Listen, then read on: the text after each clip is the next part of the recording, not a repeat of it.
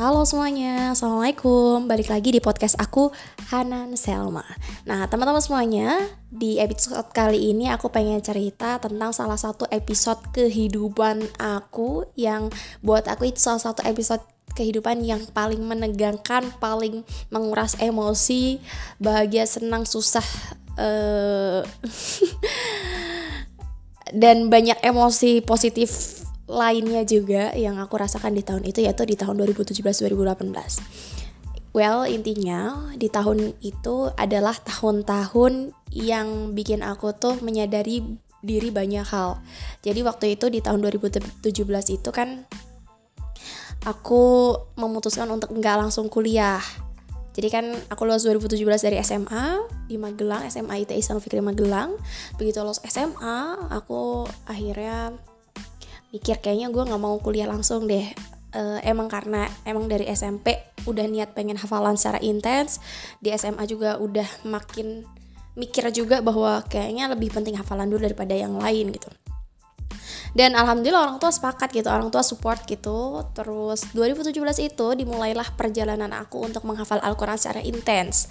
Ya di SMA emang aku tuh emang udah udah hafalan gitu ada target di SMA tapi nggak banyak. Di SMP juga di SD juga alhamdulillah yang ada bekal gitu.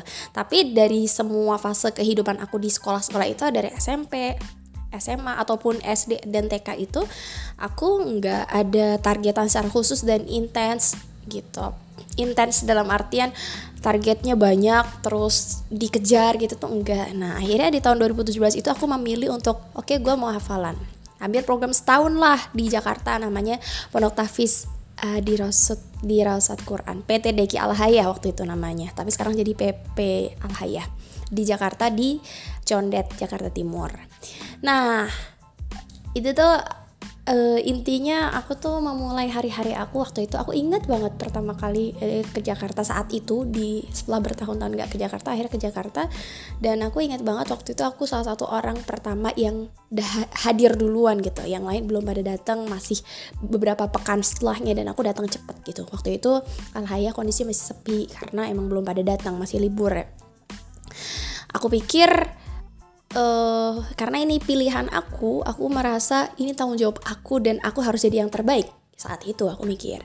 Awal-awal di Alhaya memang kita programnya suruh uh, hatam Al-Quran selama uh, berapa ya? Secepat mungkin. Eh selama 30 hari hatam 10 kali. Artinya tiga, tiga hari sekali hatam. Kayak gitu. Aku waktu aku menjalani proses itu tuh suatu hal yang ya pemanasan dan aku pikir nggak ada masalah. Kayaknya aku aman-aman aja di bulan pertama. Dan mulai bulan pertama itu aku memutuskan untuk kayak uh, uh, bikin target. Target aku adalah aku pengen jadi yang terbaik di angkatan aku. Itu waktu itu. Simpelnya aku pengen jadi orang terbaik berprestasi di angkatan aku. Makanya akhirnya aku bikinlah uh, strategi terus tanya kakak kelasnya. Bukan kakak kelas ya. Pokoknya kakak-kakaknya dan nanya kak dulu kenapa bisa jadi uh, santri teladan? Gimana caranya? Terus apa yang diperhatiin? Dan lain sebagainya. Itu aku tanya-tanya. Udah dikasih tahu terus aku bikin target. Aku selalu membayangkan bahwa aku adalah seorang santri teladan di Al-Hayah di angkatan aku khususnya. Aku pikir di bulan-bulan awal itu akan jadi bulan yang menantang dan aku curi star karena aku mulainya duluan dibanding banyak teman aku lainnya dan ternyata oh ternyata kamu tahu perjalanan aku tak semulus itu gitu. Uh, bulan pertama masih uh, aman. Bulan kedua mulai masuk jus-jus awal. Terus aku masih aman karena emang udah punya hafalan sebelumnya. Terus bulan kedua udah mulai hafalan baru yang aku belum pernah hafalin dan sehari kita ditarget minimal 5 halaman atau uh, lebih lebih bagus lima halaman uh, nambah setoran gitu kan. Dan targetan murojaah dan tilawah juga gitu. Bulan kedua bulan ketiga aku mulai kelimpungan kayak aduh kok gue gak nyampe ya? Kok aku gak nyampe ya targetnya? Aduh pusing gitu kan. Aku ngerasa bersalah kayak yang ya Allah apa yang salah dari aku? Katanya kalau penghafal Al-Quran gak bisa nambah-nambah ataupun susah hafalannya bisa jadi dosa Terus aku mencoba cari cara mungkin aku memang banyak dosa cobalah untuk banyak istighfar dan lain sebagainya ternyata setelah aku mencoba untuk Iya, aku berusaha untuk menghindari dosa, terus menghindari hal-hal yang Allah nggak suka. Tapi tetap aja susah gitu. Aku mencoba untuk fokus dan lain sebagainya, terus masih aja susah dan nggak men, mencapai target. Padahal di satu sisi aku tuh punya temen yang dia hafalannya cepat banget dan dia punya cowok, punya pacar gitu itu aku di situ ngerasa iri banget ya Allah kenapa sih? Kenapa? Kenapa? Dia itu uh, hafalannya lancar cepet. Bahkan dia uh, jauh lebih cepat daripada aku. Padahal dia punya cowok ya Allah kenapa? Kenapa engkau tidak adil dengan aku? Waktu itu aku mikir gitu astagfirullah ya namanya belum paham ya. Aku mikir kayak gitu. Terus uh, tapi setelahnya aku memahami bahwa ini bisa jadi ist istidraj buat teman aku gitu. Dan di proses itu tuh karena aku punya di awal punya target aku pengen jadi santri teladan. Eh ternyata aku kelimpungan karena kayaknya sih kalau aku takut bahwa memang uh, ketangkapan penangkapan aku dalam hafalan Al-Quran ini ataupun hafalan apa pun tuh butuh proses gitu. Uh, karena aku punya target dan ternyata realitanya tidak semudah itu aku pun akhirnya tuh nangis tiap hari gitu loh kayak yang ya Allah kenapa? Aku nggak bisa. Kenapa? Kenapa? Aku malu aku sedih aku pengen bisa aku pengen bisa. Tapi nggak bisa bisa ketinggalan. Jadi berangkat uh, nyampe di ruangan hafalan ruangan halakoh kita bilang ruangan halakoh itu paling awal. Tapi pulangnya paling sore paling akhir gitu. Kenapa? Karena yang nggak belum mencapai gitu. Jadi mau beranjak untuk setoran dan beranjak melanjutkan aktivitas ke yang lain tuh nggak bisa karena ya belum mencapai target gitu. Malu pengen malu juga sama diri sendiri malu juga dengan target dan lain sebagainya gitu. Meskipun nggak ada yang menuntut dari orang tuh enggak gitu. Tapi aku malu gitu dengan itu. Nah akhirnya dari kondisi itulah aku tuh ngerasa nangis tiap hari emosinya campur aduk lah pokoknya sedih uh, bingung, kalut gitu ya. Pokoknya semua emosi itu tuh menjadi satu dan aku tuh kayak setiap istirahat tuh aku bisa nangis pagi, istirahat siang, istirahat sore. Wah itu biasanya aku nangis tuh sehari dua kali, sehari tiga kali dan ah, ya Allah kenapa kenapa aku sambil nulis diary dan nangis gitu. Dan itu aku lakukan selama hampir setahun dan ternyata memang selama satu tahun itu aku merasa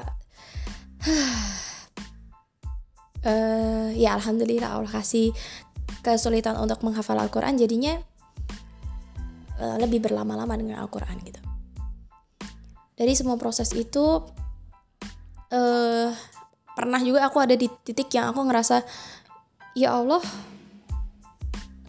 Uh, kenapa aku sebodoh ini? Ya Allah, kenapa aku selemot ini? Ya Allah, kenapa aku selambat ini? Ya Allah, kenapa? Kenapa? Kenapa? Kenapa? Dan kenapa ya Allah? Kenapa? Aku pengen, aku pengen ya Allah, aku udah usaha sana sini, aku udah mencoba mengurangi apa yang engkau larang gitu, meminimalisir. Tapi kenapa ya Allah? Nah, di titik itulah aku tuh ngerasa diri aku adalah orang yang paling bodoh gitu ya. Orang yang paling bodoh di semua kalangan teman-teman aku di semua kalangan orang-orang di sekitar aku bahwa gue bodoh gue nggak mampu gue gue pokoknya uh, menyalahkan diri sendiri. Gue pernah ada di titik itu yang kayaknya gue nggak mampu deh. Kayaknya gue memang sebodoh itu deh. Padahal uh, ya well kalau gue melihat masa lalu gue kayaknya uh, untuk sebuah pelajaran untuk sebuah kegiatan yang dilakukan di kelas gue bisa banget meng mengikuti itu gitu dengan baik tapi kenapa di Al-Quran susah banget ya Allah? Kenapa untuk ngejar target-target itu berat banget? Padahal aku udah mau berusaha. Akhirnya singkat cerita sebulan dua bulan sampai setengah tahun aku masih kelimpungan. Tujuh ta tujuh bulan delapan bulan hampir se hampir setahun. Ya alhamdulillah akhirnya endingnya tercapai targetnya. Walaupun terseok-seok sambil nangis sambil harus begadang harus datang awal pulang akhirnya tuh harus banget dilalui pada akhirnya sebuah usaha memang akan dibalas oleh Allah dan alhamdulillah waktu itu aku yang aku syukurin banget adalah Allah kasih aku kesempatan buat uh, jadi santri teladan di wisuda Tafis uh, eh, Alhaya angkatan 8 di waktu itu di TMI Jakarta. Wah, masya Allah ya Allah, terharu banget. Jadi, jadi uh, alhamdulillah waktu itu uh, target aku tercapai sebagai santri teladan. Ya mungkin memang bukan santri teladan uh, menurut Allah gitu ya. Maksudnya menurut uh, pandangan manusia yang hafalannya kuat cepet cepet dan kilat pokoknya luar biasa hafalannya. Tapi ya alhamdulillah Allah kasih jalannya Allah kasih kesempatannya buat uh, mendapat amanah menjadi santri teladan waktu itu. Dan ya Allah aku bersyukur sekali dengan itu. Dan ya itu cara Allah itu. Ya meskipun jujur aku banyak kekurangan banyak keburukan banyak kejelekan yang teman-teman tidak tahu. Tapi uh, dari situ sebenarnya dari proses itu tuh aku uh, belajar bahwa ya usaha aja soal hasil itu terserah Allah.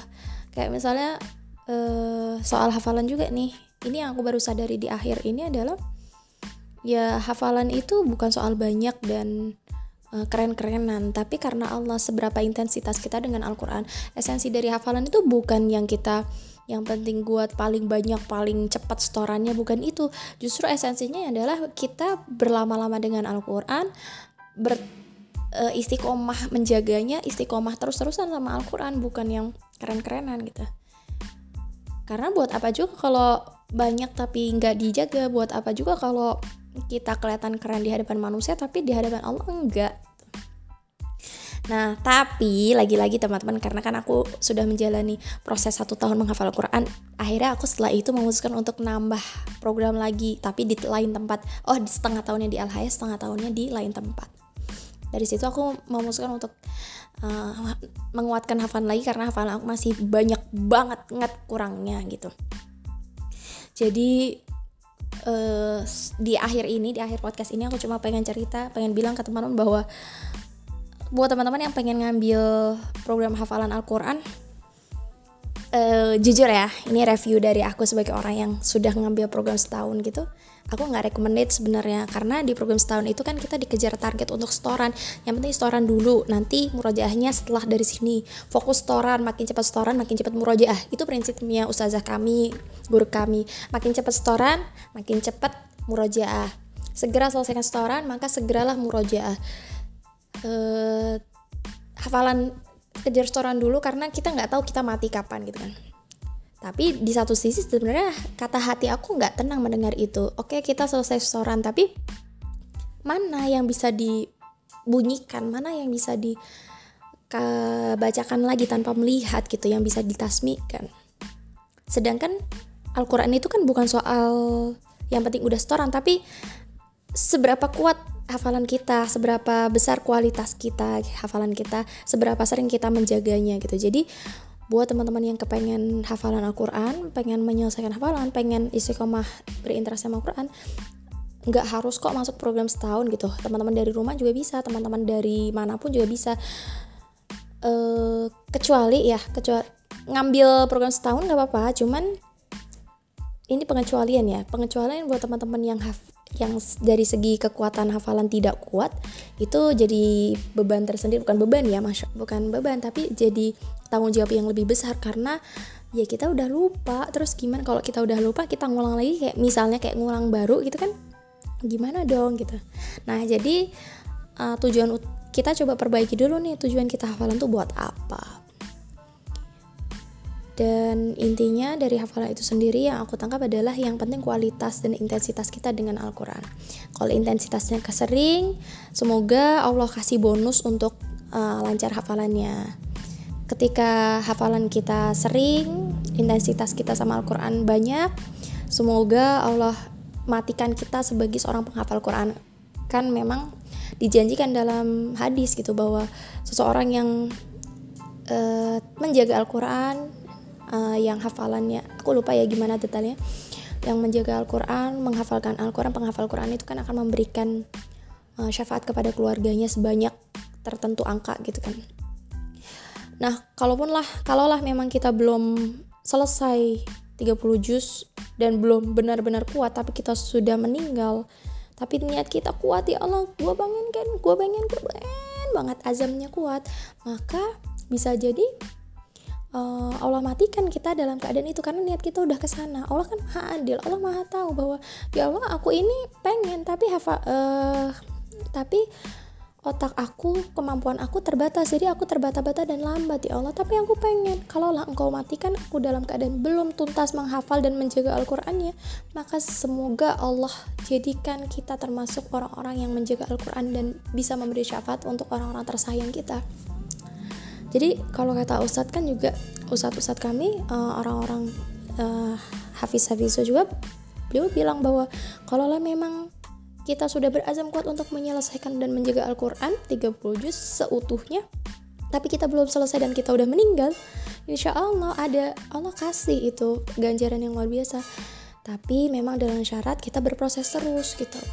Nah ini sebenarnya uh, aku pengen cerita aja karena kalau aku cerita mood aku naik dan aku menjadi pengingat bahwa hafalan itu bukan soal banyaknya tapi soal kualitas dan intensitas kita gitu. Ini jadi pengingat juga buat aku bahwa harus lebih sering berinteraksi sama Al-Quran harus lebih sering lebih tekun berinteraksi sama Al-Quran walaupun belum lancar-lancar. Karena tujuannya menghafal Al-Quran ini bukan untuk lancar tapi tujuannya untuk setia bersama Al-Quran setia istiqomah terus menerus sampai kapan pun sampai kita meninggal nanti well aku yang banyak kurangnya ini sekedar pengen berbagi kepada teman-teman tentang proses menghafal Al-Quran. Dan buat aku proses menghafal Al-Quran ini proses yang indah. Aku tidak menyesali proses satu tahun atau dua tahun menunda kuliah untuk menghafal Quran sama sekali nggak nyesel walaupun hafalan aku belum kuat masih banyak kurangnya aku nggak nyesel tak justru aku belajar banyak dari sana banyak dapat hikmah yaitu uh, ternyata interaksi Al-Quran tuh harus kayak gimana. Yang penting menjaga intensitasnya. Jadi punya tanggung jawab lebih untuk menghafal Quran walaupun masih terseok-seok. Menjaga Al-Quran kapan pun di mana pun dengan siapa pun tinggalnya apa pun keadaannya gitu. Jadi lebih banyak mendapat hikmah yang Allah singkap Allah kasih hadiah kepada aku untuk lebih uh, lebih dekat sama Al-Quran gitu. Well cerita ini semoga bisa mendap memberikan kebaikan untuk teman-teman ada hikmahnya dan jadi pengingat buat diri aku sendiri. Oke itu aja cerita aku hari ini. Panjang banget ya. Semoga teman-teman istiqomah bersama Al-Quran dan sehat bahagia dunia akhirat. Terima kasih. Wassalamualaikum warahmatullahi wabarakatuh